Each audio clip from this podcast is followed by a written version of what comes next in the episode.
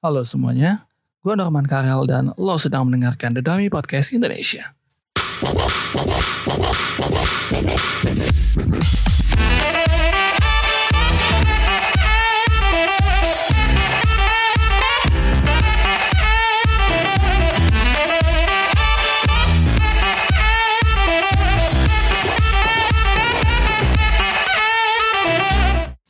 Gue mau ingetin buat kalian dengan podcast ini, please be aware of your surrounding. Gue tau podcast ini bisa didengerin di mana aja dan kapan aja.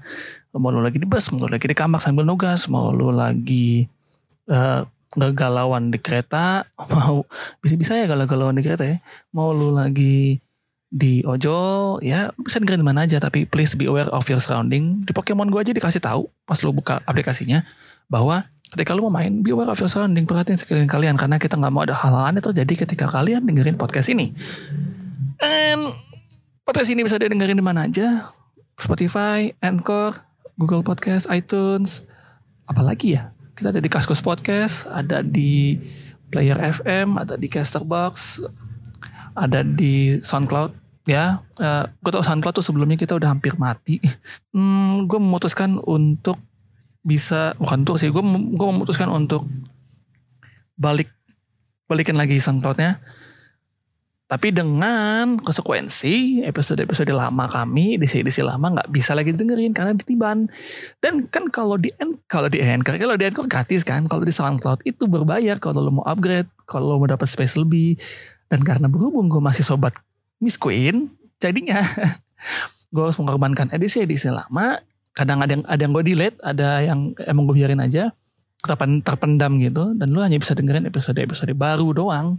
Gitu paling enggak dua tiga episode baru doang. Oke okay. that's all yang mau gue yang mau gue ingetin sama kalian. Akhir-akhir ini gue melihat banyak sekali fenomena-fenomena aneh di internet. Dan salah satu fenomenanya adalah pernikahan bohongan antara youtuber dengan youtuber antara Jack Paul sama Tana. Jadi Jack Paul sama Tana ini adalah dua orang youtuber terkenal di Amerika Serikat. Kalau Tana terkenal dengan story time-nya itu di mana dia bercerita mengenai uh, kehidupannya sehari-hari tapi sedikit dilebay-lebaykan let's say kayak dia naik Uber terus Ubernya cuma salah baca map yang seharusnya tetap lurus tapi dia belok ke kiri dia cerita bahwa iya gue hampir mau diculik ya selebay itu si Tana ini um, sementara si Jack Paul itu dia uh, mantan apa ya mantan orang Vine maksudnya lebih ngetop di Vine tapi semenjak Vine tutup dia pindah main ke Instagram sama YouTube lebih aktif di situ sama di Snapchat. Dan dia juga di YouTube itu ngerasain banget kalau lo liat videonya lo akan benci sama dia. Oh yakin lo akan auto benci sama Jack Paul. Berbeda dari abangnya Logan Paul yang kita semua tahu dari masalah dia di apa hutan hut, uh, Suicide Forest di Jepang itu yang dia videoin orang mati gitu kan. Nah Jack Paul ini lebih lebih sadis daripada Logan Paul. Jadi kalau kalian anggap Logan Paul adalah orang brengsek, enggak. Jack Paul jauh lebih brengsek daripada si Logan Paul.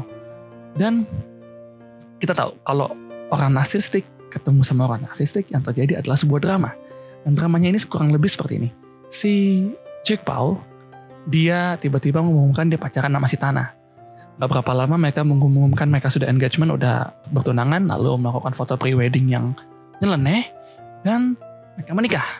Nah, jadi masalahnya adalah pernikahan mereka itu adalah pernikahan fake, pernikahan bohongan hanya untuk menarik viewers, hanya untuk konten, ditonton berjuta-juta orang, dengan pendeta yang begitu, tanda kutip ya, pendeta nyeleneh teman-temannya juga gitu kan.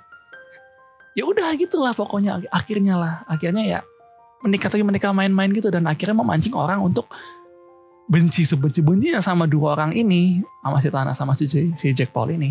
Tapi ada satu komentar di kolom komentar Jack Paul yang ingin gue ambil. Hmm, kolom komentarnya dalam bahasa Inggris tapi kalau diartiin ya secara bahasa sehari-hari kayak gini. Lu belum pernah ngerasa jatuh cinta yang jatuh cinta sama seseorang lalu ditinggal pergi begitu saja ketika lu tahu dia meninggalkan lu dia sudah menikah dengan yang lain dan dia bilang pasangan yang sekarang adalah pasangan yang paling sempurna dalam hidupnya. Waduh itu gue baca itu langsung tertekan batin boy. Nenak telak. Dan dibilang sampai sekarang dia nggak bisa move on dari hal itu. Dia nggak bisa pernah bisa beranjak dari tempat itu. Maksudnya dari keadaan itu gitu loh. Uh, ya gimana ya? Maksud gue susah memang kalau lo lagi sayang-sayangnya sama seseorang kalau lo lagi cita-cita sama seseorang terus tinggal pergi begitu aja tanpa ada alasan yang jelas kayak episode kemarin yang kita bilang tanpa alasan putus yang jelas, tanpa ada kejujuran, terus tiba-tiba dia kembali dengan orang lain itu rasa sakit banget dan lu akan susah untuk move on. Gue banyak belajar dari hal-hal tersebut gitu loh dan yang paling nyebelinnya adalah yang paling nyebelin dari move on adalah untuk memulai gerakan pertama. Gini gini. Ketika lu jatuh cinta, lu berpacaran dan atau apalagi sudah menikah gitu kan lu akan memberikan segala yang terbaik bagi dari bagian diri lu untuk pasangan lu ini. Sampai tidak ada lagi yang tersisa bahkan untuk diri lu sendiri. Semua yang terbaik dari diri lu udah lu kasih semua ke dia. Tapi semua akan sirna seketika ketika si pasangan ini udah nggak mau lagi sama lu. Yang jadi masalah adalah ketika ditinggal lu menangis, lu kecewa. Lu kecewa bukan karena dia pergi meninggalkan lu, lu kecewa bukan bukan karena keputusan dia tapi lo kecewa karena segala sesuatu yang udah lo perbuat itu lo rasa tidak cukup buat dia. Sehingga dia pergi dan lo akhirnya menyalahkan diri lo sendiri. Dan lo pada akhirnya merasa bahwa memang gue tidak patut untuk dicintai gue tidak patut untuk mendapatkan seseorang yang pantas dan ya itu yang langkah itu yang akhirnya uh, susah. Maksudnya karena karena hal itu lo akhirnya susah move on. Ditambah lagi ditambah lagi lo tersangkut oleh kenangan-kenangan yang kemarin. Lo rasa eh let's say setahun bersama dia lah setahun bersama dia lo rasa itu adalah sesuatu yang indah sesuatu yang menyenangkan sesuatu yang luar biasa. Sehingga ketika lo rasa ya gimana? Gue sayang sama dia tapi lu tapi gue butuh move on. Tapi akhirnya nggak bisa move on karena lu ngestak di situ. Karena lu masih mengingat kenangan-kenangan lama lu sama dia lu masih mengingat hal-hal yang indah sama dia. Dan lu rasa itu adalah hal yang terbaik yang pernah lu miliki. Tanpa lu membuka peluang tanpa lu menyadari bahwa di luar sana masih ada yang terbaik bagi lu tapi buat lu enggak buat lu yang kemarin itu adalah udah yang paling terbaik yang paling luar biasa buat lu. Um, tahu ini nggak? Kalian tahu film La La Land nggak? La La Land ya. La La Land itu kan terkenal sebagai film musikal terapa ya kalau gue bilang ya teresek sih kalau menurut gue sih ya. La La Land film musikal ter teresek.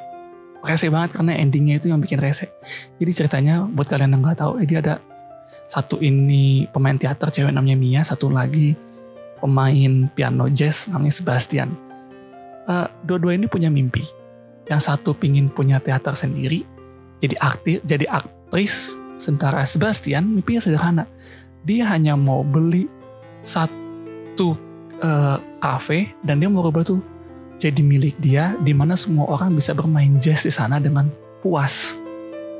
Nah, satu kali mereka ketemu mereka pacaran dan ya messed up lah berantakan lah banyak rencana yang gagal. In the end mereka memutuskan untuk berpisah. Mereka memutuskan untuk berpisah walaupun itu berat banget. Berat banget. Setelah mereka berpisah um, gak berapa lama kemudian gak, lumayan cukup lama lah beberapa beberapa tahun kemudian si uh, Mia bersama suaminya tanpa sengaja memasuki kafe yang telah dibeli Sebastian. Jadi Sebastian akhirnya mimpi tercapai setelah beberapa tahun dia beli kafenya, dia hidupin klub jazznya. Nah si Mia sama suaminya ini tidak sengaja masuk ke dalam kafe tersebut. Bagian yang paling ikoniknya adalah di sini. Ketika si Mia duduk sama suaminya, Sebastian ngeliat, Sebastian mulai main piano, visualnya tuh berubah. Musiknya tetap musik uh, si Sebastian lagi main piano, tapi visualnya berubah. Visualnya itu seakan-akan ingin menyampaikan bahwa ketika Sebastian bermain piano, Sebastian tuh mikir seharusnya gue sama si Mia itu bisa lebih dari ini. Seharusnya gue sama Mia tuh sama-sama sukses. Mia jadi aktris terkenal, gue jadi pemain jazz yang uh, oke, okay, tetap ada di tetap punya kafe, dan kita hidup bahagia dan punya anak. Tapi setelah visualisasinya itu dikembalikan lagi ke scene-nya Sebastian lagi main piano, ambiar pak, seambiar-ambiarnya pak. lu harus menghadapi realita bahwa ya itu nggak terjadi, itu hanyalah di angan-angan lu aja. Itu hanya di angan-angan lu aja. Dan lu harus menerima kenyataan Mia sudah menikah. Dan in the end of the day, Mia senyum, Sebastian senyum. Selesai. Cukuplah cerita yang kemarin hanya jadi masa lalu. Walaupun itu indah, walaupun itu menyenangkan. Walaupun lo udah kasih yang terbaik buat dia. Sudah, biarkan. Biarkan. Karena kita nggak pernah tahu apa yang sudah kita berikan pada orang lain akan berbuah menjadi sesuatu hal yang luar biasa bagi orang tersebut. Kita nggak akan pernah tahu bagian terbaik dari diri kita yang kita rasa udah kita kasih semuanya ke mantan pasangan kita ini ternyata merubah hidup dia dan membuat dia menjadi orang yang lebih baik lagi. Walaupun lo harus menerima kenyataan dia tidak bersama dengan lo ketika dia berubah menjadi lebih baik lagi. Ah agak. Agak kesel sih sebenarnya tapi untuk bisa melangkah ke titik di mana Sebastian sama Mia ini, di mana mereka udah sama-sama saling merelakan dan sama-sama saling sepakat bahwa tidak bersama adalah pilihan yang terbaik, walaupun mereka sudah memberikan yang terbaik bagi pasangannya masing-masing ini, bagi mantannya masing-masing ini, sampai di titik di situ perlu perjuangan yang sungguh berat dan perjuangan yang paling berat adalah langkah pertama lu untuk move on. Langkah pertama lu untuk merelakan, langkah pertama lu untuk melangkah maju. Meninggalkan semua kenangan yang di belakang itu yang paling paling susah. Kenapa susah? Karena lu nyaman dengan hal itu, karena lu masih ingin hal itu kembali. Dengerin gue baik-baik. Sekeras apa pun lu menangis, sekuat apa pun lo berteriak, kenangan itu gak akan pernah terwujud kembali. Dan orang itu kemungkinan besar tidak akan pernah kembali. Apa yang lo harapkan dari orang yang jelas-jelas sudah merasa bahwa lo bukan lagi bagian dari hidupnya? Gak ada. Gak ada. Dan karena itu lo harus move on.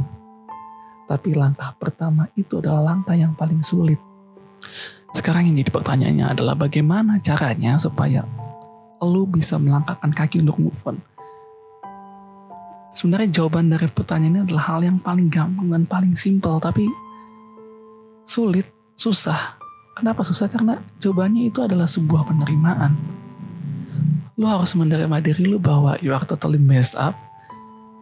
Lu harus menerima bahwa dia tidak akan kembali buat lu dan lu harus menerima bahwa kenyataannya lu ditinggal sama dia Lu harus menerima semuanya itu dan kebanyakan orang tidak bisa sampai di tahap penerimaan tahap awal ini karena mereka tuh denial. Mereka tuh merasakan bahwa enggak, enggak, enggak, enggak, enggak.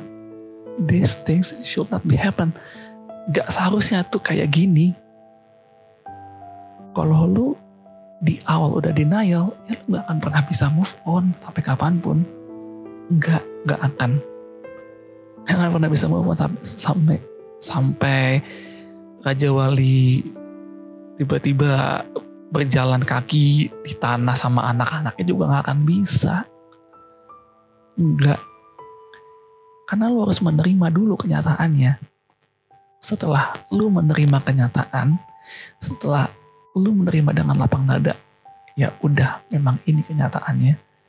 Maka langkah selanjutnya akan jauh lebih ringan karena langkah selanjutnya adalah lu membuka mata lu lebar-lebar. Bahwa di sekeliling lu masih banyak yang sayang sama lu. Banyak yang sayang sama lu. Teman lu, sahabat-sahabat lu yang selalu ada ketika lu lagi mewek-meweknya pasti tinggal pergi kan. Ketika lagi galau-galaunya pasti tinggal pergi. Lu masih punya orang tua yang sayang sama lu. Lu masih punya saudara. Kalau lu anak tunggal lu masih punya sepupu-sepupu yang care yang masih bisa diajak ngobrol sama lu. Semesta selalu sayang sama lu. Semesta selalu memberikan apa yang terbaik buat lu. Semesta selalu tahu bagaimana caranya menyeimbangkan. Setelah lu berhasil membuka mata lu, lu menerima dan membuka mata lebar-lebar, ya udah, maka jalanilah hidup sebagaimana adanya. Lu bisa melakukan hal-hal yang gak sempat lu lakukan kemarin atau hal yang uh, tertunda karena lu pacaran kemarin, lu bisa gali lebih dalam siapa diri lu, lu bisa temuin hobi-hobi baru lu. Dan ketika lu lihat ke belakang, lu akan tertawa bahwa betapa lucunya lu ketika lu galau. Sehingga kalau lu sudah bertemu dengan pasangan yang baru, dan lu flashback lagi dengan pasangan yang lama, lu akan tertawa sendiri. Dulu gue alay ternyata ya. Dulu gue ternyata bucin banget ya. Dulu gue ternyata begini ya, dulu ternyata begitu ya. Iya. Justru letak dari move on itu adalah ada di prosesnya. Proses di mana lu harus melangkahkan kaki lu. Proses di mana lu harus menerima kenyataan. Proses di mana lu harus membuka mata lu. Kebanyakan orang itu hanya mau pada hasil akhirnya ketika mereka sedang galau dan mereka harus move on, mereka tahu mereka harus move on, mereka cuma mau, ya gue move on, udah selesai, gak peduli dengan prosesnya, tidak menghargai prosesnya, sehingga yang terjadi adalah mereka terjebak di masa lalu, sehingga yang terjadi adalah mereka tidak benar-benar move on. Mereka hanya menyimpan sebuah kotak Pandora yang kalau dibuka, maka itu akan memicu hal yang lebih buruk lagi ketika dia punya pasangan baru. Ketika lu memutuskan untuk move on, ketika lu memutuskan bahwa diri lu siap untuk dirombak dalam proses tersebut,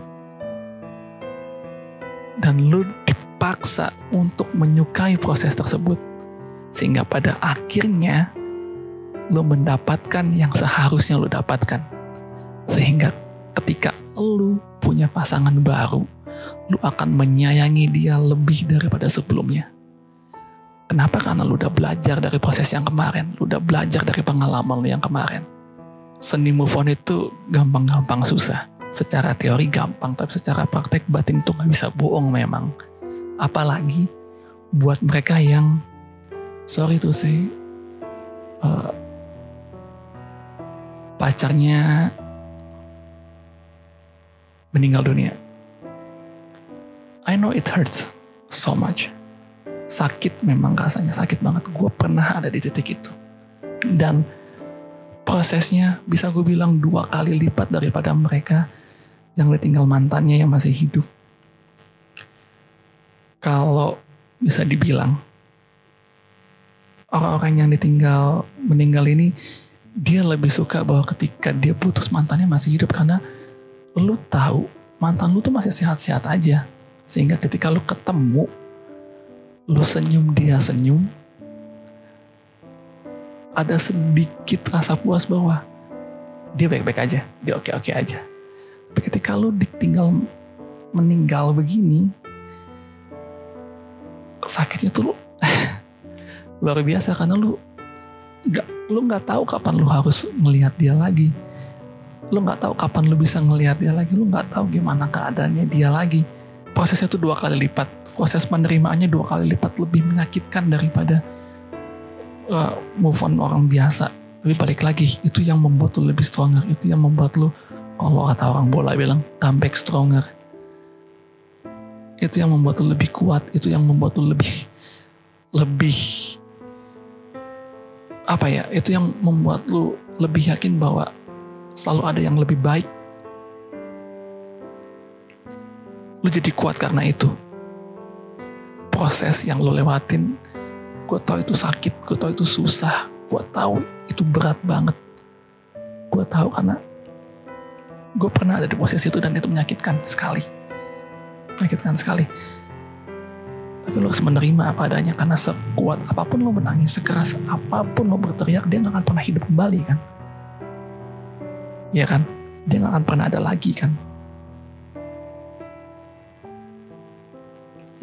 menerima kenyataan itu yang sulit sulit tapi membuat diri lu sengaja tersiksa oleh kenyataan tersebut membuat diri lu terbenam di dalam sebuah ilusi bahwa dia pasti akan kembali pada dia sudah.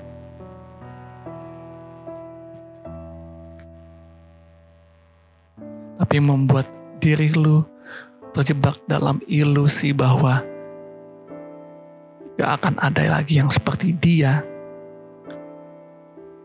Itu adalah hal konyol. Lo harus bangkit. Walaupun gue tahu susah bagi lo untuk jatuh cinta lagi kepada orang lain.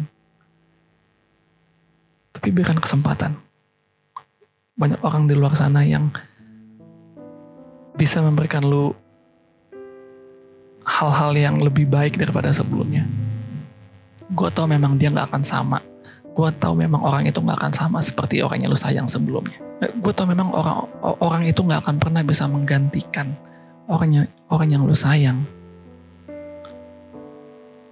Tapi kalau lu gak pernah memberikan kesempatan itu, lu tahu apa? So, untuk move on, sebenarnya perkaranya gampang-gampang mudah, cuman ya begitu. Ada sesuatu hal yang sulit ketika menyangkut batin, ketika menyangkut perasaan.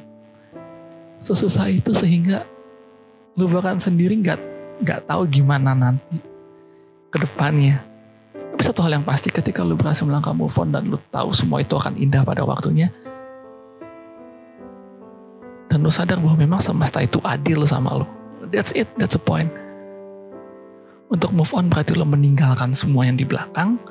Setelah lu menerima dan setelah lu tahu ada banyak orang yang sayang sama lu, lu tinggalkan semua kenangan itu di belakang, lu melangkah maju, lu buat cerita baru, lu buat kisah baru, lu buat sebuah lu buat sebuah perjalanan baru yang lebih menyenangkan, yang jauh lebih seru daripada yang sebelum-sebelumnya. Itu baru namanya move on. Yang namanya move on itu ketika lu sudah berhasil menciptakan cerita baru, ketika lu sudah berhasil membuat perjalanan panjang yang seru dan menyenangkan. Tapi ketika lu lihat ke belakang, lu gak kecewa, tapi lu tersenyum dan lu bersyukur hal itu terjadi sama lu. Lu bersyukur kenangan di belakang itu terjadi sama lu. Karena itu yang ngebuat lu, karena itu yang telah membuat lu bisa sampai di titik ini. Move on itu bukan berarti melupakan begitu saja, tapi lu belajar dari kesalahan yang dulu. Ya, sudah hampir 20 menit bersama I don't know mungkin ini akan diedit 23 menitan, 22 menitan. But thank you for listening. Sebenarnya jadi gue yang curhat. no, no, no. Gue dan pacar gue sedang baik-baik aja. Tapi gue lagi mau mengungkapkan sesuatu yang sudah lama. Ini gue pendam. Dan kalau uh, kalian suka sama Adami Podcast Indonesia, silahkan di-share, silahkan ditebar silakan uh, kasih tahu ke teman-teman kalian bahwa we exist, kita hadir di sini. Um, ya kalau ada pertanyaan, kalau ada pernyataan atau ada apa namanya kritik saran, kalian bisa hubungin gua di official dummy entertainment at atau ke Instagramnya duodami at duodami atau ke Twitter gue aja langsung at Norman Karel. Ya kita lihat apa yang bisa gue bantu nanti ketika kalian mention gue atau ketika kalian DM gue atau ketika kalian email gue. Uh, kita butuh banget kritik saran jadi please kritik kita kasih kita saran. Anyway, thank you for listening me. Lo bisa follow gue di @norman_karel IG gue juga sama teman karya lo bisa follow Kova di Kova Viezi lo bisa follow yang lain. Nah, ada semua itu di IG 2 Dami. Dan sampai bertemu di edisi-edisi berikutnya. I'm Norman Karel signing out. Bye bye